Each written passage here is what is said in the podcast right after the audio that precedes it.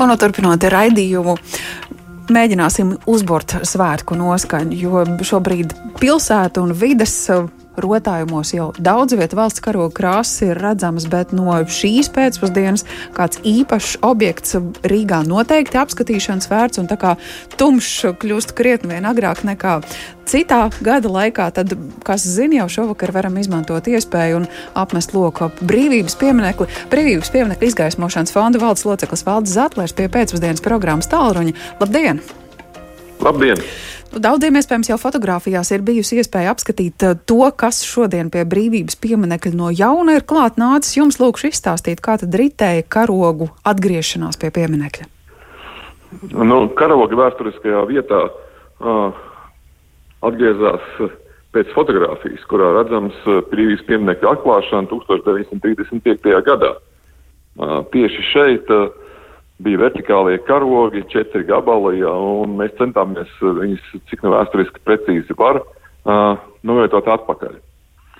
Uh, karogi būs uh, gan arī apgaismoti, un, uh, protams, būs tā, tā izvēle, ja, vai viņi paliks tur katru dienu, vai mm. tikai parādīsies svētku brīžos. Tas šobrīd vēl nav izlemts. Nu, tas jau būs atkarīgs no tā, kurš šos karogus tālāk apkops ja, un lems par viņu izmantošanu. -hmm. uh, fonds, viens apgais, izgaismošanas fonds, tātad finansē šo, šos pamatus apgaismojumu, jā, savukārt uh, firma Amberlāt izgatavoja un uzdāvināja, jeb ziedoja uh, pašas māstus un Lat Daugos Lānēņa Latvijā uh, Medmaļkunga personā, uh, tātad ziedoja pašas karogas. Visi sadarbojamies un mm. rezultāts ir, ir labs. Jā, nu, droši vien meklējot fotogrāfijas, var piebilst, ka karoga māste atrodas no brīvības puses, tuvojoties piemineklim, ejot Daugaus virzienā, tā it kā aizmugurē, veidojot tādu patriotisku fonu, skatoties uz, uz brīvības pieminekli. Kā ar šīm svētku dienām bez karogiem vai vēl kāda īpaša gaismas vides nu, izmaiņa ir gaidām pie brīvības pieminekļa? Tātad nu, līdz 18. novembrim uh, mums ar dekorēšanu uh, ies diezgan pagrūti, tāpēc, uh, jaunie masti vēl nav piemēroti dekorēšanai un vecie masti tiek de demontēti. Bet 18. novembrī 19.30 būs oficiāla gaismas spēles sākšanās, jā, ar septiņu minūšu uzvedumu, Rimona Kalniņa muziku. Uh, Un tad ik pēc 15 minūtēm varēs šo 7 minūšu gaismas spēli skatīties mm tie, kas ne, netīšām ies garām, bet pēcāk, ja piemineklis būs izgaismots visu laiku. Uh, 18. novembris jau būs diena, kad būs iespēja pārvietoties un, un, un baudīt svētku noskaņu mazliet brīvāk nekā tas ir šobrīd. Atstāsiet to tikai kā 18. novembra notikumu, vai nu, tur svētku nedēļas nogali ir krietni vien garāka. Varbūt varēja paildzināt to iespēju būt klāt un izbaudīt. Tas ir, ko mēs gribam baudīt. Ja? Jā. Tad 18. ir paredzēta šī īpašā baltās gaismas spēle, ja mm. mūzikas pavadībā ik pēc 15 minūtēm. Ja? Uh, visā pārējā laikā paliks izgaismots piemineklis, mm. uh, kur faktiski būs sajūta, ka piemineklis pats izstaro savu gaisu. Nu, uh, tā kā, nu, viss ir atkarīgs no tā, ja, Iespējām, ko mēs gribam. Protams. Fonds pats šo gaismas spēli rīko kā izgaismošanas sākumu, mm. Atklāšanas rituālu, ja, pēc tam jau piemineklis būs gaismā visu katru vakaru. Lielas paldies par šo sarunu. Valdis Zetlers, brīvības pieminiektu izgaismošanas fonda baldas loceklis, un uz sarunu esam aicinājuši arī Latvijas Nacionālā vēstures muzeja pārstāvi Astrīdu Burbītsku. Labdien! Labdien! Zinot, ka vēstures muzejam ir lieliska tradīcija, nevienu gadu vien 18. novembris ir viena svētku diena, bet pirms tam ir 11. ar dienu, kas īpaši veltīta Lačplēša kara ordenim. Kā tad būs šogad, varēsim apskatīt? Jā, nu, protams, ka ir dažādas Latvijas dienas tradīcijas gan valstī, gan skolā, gan arī ģimenēs. Un savukārt mūsu muzejam ir tradīcija jau kopš atmodas laika, kopš 1988. gada, vienreiz gadā, 11. novembrī, izstādīt apskatē nu, tādu ļoti unikālu mūsu krājuma priekšmetu, Lāčplēša kara ordeņa pilnu komplektu, pirmo, otro šķiru, kas reiz piederējis Jānim Balodim. Nu, Allaši, protams, apmeklētāji ienāca pie mums muzejā un tad devās nolikt svecītes vai uz brāļu kapiem, bet šoreiz Mēs tradīciju tomēr saglabāsim, un rīt 11. novembrī pulkstenis 11. arī aicināsim pieslēgties mūsu muzeja Facebook kontam un ielūkoties uh, muzeja krātuvēs jaunajā modernajā ēkā Pulka ielā 8, kur ordenis un arī citi neatkarības kara, ar, ar šo karu saistītie priekšmeti atrodas. Un kopā ar numismātiem, kuri izstāstīs par Lāčplēša kara ordeņa ieceri, rašanos, izveidi, apbalvošanu par citām Lāčplēša dienas tradīcijām, nu kaut attālināti, virtuāli, bet tomēr šo ordeni apskatīt. Mm -hmm. 11. 11. viegli atcerēties šo tikšanās laiku. Tieši tā. Tātad 11. jau vismaz viens plāns un nodoms ir, bet uh, kā būs ar 18. novembri? Noteikti, ka muzejām arī šai sakarā ir kādi notikumi padomā. Jā, nu es šeit gribētu pieminēt divas lietas.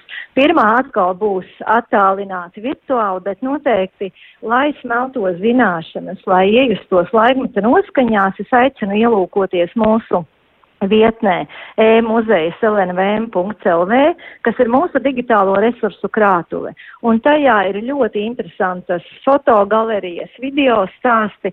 Nu, piemēram, arī e, šajā laikā neatkarības kara notikumus var iepazīt pateicoties neatkarības kara dalībnieka Andreja Liepiņa uzņemtajiem foto uzņēmumiem laika posmā no 19. gadā jūnija līdz 20. gada sākumam gan vidzemē, gan kurzemē, gan arī latgalē.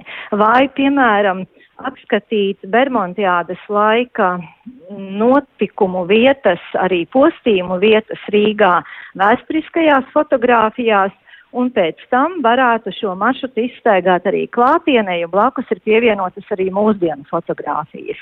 Nu, un savukārt Tuvojoties valsts svētkiem, es noteikti aicinātu vēlreiz vai no jauna noskatīties tādu teatralizētu video stāstu, kuru ir izveidojuši aktieri un mūsu muzeja vēsturnieki, kuri ir rekonstruējuši laiku pirms valsts dibināšanas, kuri iepazīstināt tā laika personībām, ar notikumiem, un tas, protams, ka daudz labāk varētu saprast, palīdzēt saprast, kādos apstākļos Latvijas valsts dzīva.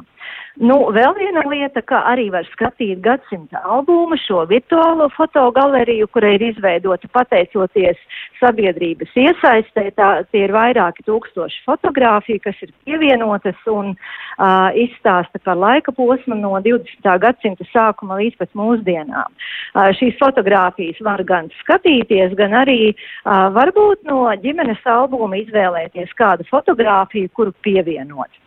Un tā kā nākamnedēļ muzejs būs atvērts apmeklētājiem, tad arī šajās skaistajās garajās valsts svētku brīvdienās, tā skaitā 18. novembrī, mēs aicinām uz muzeju nesteidzīgi un Jā. droši aplūkot gan Latvijas vēstures ekspozīciju, gan arī divas jaunas izstādes. Viena no tām krāsainā Latvija, kas caur fotografijas vēsturi no 20. gadsimta sākuma līdz 90. gadiem izstāst arī mūsu uh, zemes vēsturi un arī vēl jaunāka izstāde, kas durvis vērs tiešām tikai nākamnedēļ, Airis Mozes un Rādio, koks Latvijas vēsturē, par nu, cilvēka koka meža attiecībām jau mm. sākot ar akmens laikmetu un līdz pat mūsdienām par uh, unikāliem priekšmetiem, kas ir saglabājušies no šī vissanākā perioda, uh, gan arī uh, vēlākiem periodiem, un arī nu, pa, pastāstīs par koka izmantošanu arī mūsdienās. Un arī uzdotot šos aktuālos jautājumus par izmantošanu un saudzēšanu vienlaikus. Jā, arī jums tas 15. novembris kā tāda būtiska robežšķirtne. Jā, jā. Nu, tā tad mēs patiešām ļoti gaidām apmeklētājus, un mēs ceram, ka tiešām mierīgi, nesteidzīgi un droši apmeklētāji arī šajās svētku brīvdienās varēs nākt un, un skatīties to, ko muzejs piedāvās. Lielas paldies par šo informāciju. Astrīda Burbīts, ka Latvijas Nacionālā vēstures muzeja pārstāve atgādinot, ka 11. novembra iespējas un uh, dažādas aktivitātes varam baudīt attālināti 11.